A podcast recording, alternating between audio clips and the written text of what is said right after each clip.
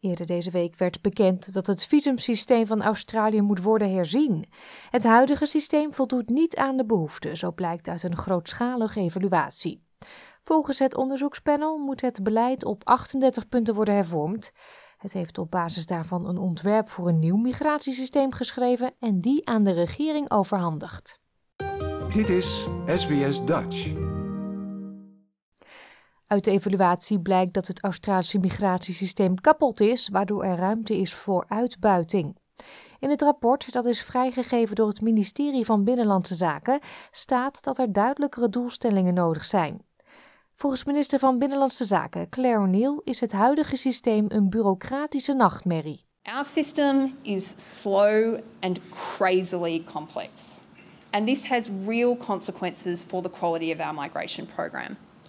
We have hundreds of visa categories and subcategories. So complicated that if I drew you a diagram, it would look like a tangled bowl of spaghetti. Het beoordelingspanel onder leiding van Martin Parkinson, het voormalig head of prime minister en cabinet, doet 38 aanbevelingen aan de regering. Parkinson zegt dat de hervormingen vragen om een langetermijn commitment. This is going to require a multi-year commitment from government. Um, the system is uh, so large, so sprawling, so complex. It needs policy reform It needs legislative reform. It needs reform of implementation capability. In een reactie op het rapport bevestigde minister O'Neill twee definitieve wijzigingen. Ook benoemde ze er een aantal die waarschijnlijk binnenkort zullen plaatsvinden. Een van de grootste veranderingen is de verhoging van het minimumsalaris dat werkgevers vanaf 1 juli moeten betalen om iemand te kunnen sponsoren. De Temporary Skilled Migration Income Threshold, kortweg TSMIT, is tien jaar geleden bevroren op 53.000 dollar en sindsdien niet meer omhoog gegaan. Het zal nu stijgen naar 70.000 dollar. Mevrouw Neal zegt dat Australië deels door die inkomensstop moeite heeft om skilled migrants aan te trekken. What has emerged is a system where it is increasingly easy for migrants to come to Australia in search of a low-paid job but increasingly difficult for migrants with the skills that we desperately need. Minister O'Neill kondigde ook aan dat alle skilled migrants tegen het einde van dit jaar de mogelijkheid zullen krijgen om een permanente verblijfsvergunning aan te vragen.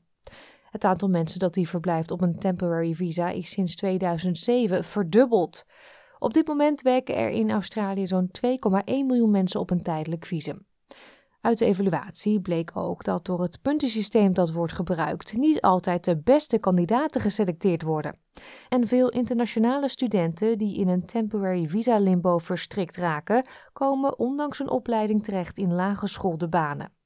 De regering zegt dat de wijziging werkgevers en migranten meer zekerheid zal bieden. Volgens premier Anthony Albanese is het een belangrijke verandering voor gezinnen. Their kids are going to local schools. They're raising a family here. And these changes, again, aimed at more permanency. Giving people that security will mean that they're able to make a greater contribution to the Australian community. De Albanese-regering is ook van plan het migratiesysteem op te splitsen in drie niveaus. Het eerste niveau is de highly skilled stream, met snelle doorlooptijden.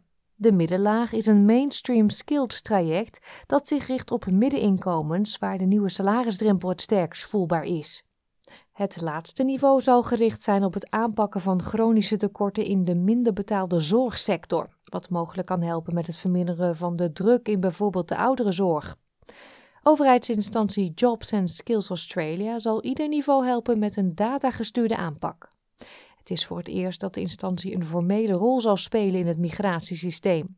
De voorzitter van de Australian Council of Trade Unions, Michelle O'Neill, is blij met de evidence-based aanpak. Way too long we've had a system where employers have claimed skill shortages, but often what it's been is a shortage of jobs with good wages and conditions, not a shortage of skills.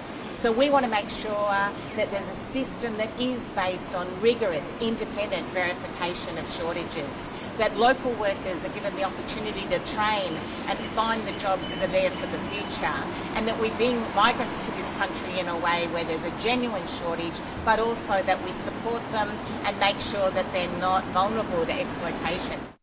Het is niet precies duidelijk wanneer het nieuwe systeem wordt ingevoerd, maar de regering zegt er alles aan te doen om de wijzigingen zo snel mogelijk te implementeren. Dit verhaal werd gemaakt door Sophie Bennett voor SBS Nieuws en door SBS Dutch vertaald in het Nederlands.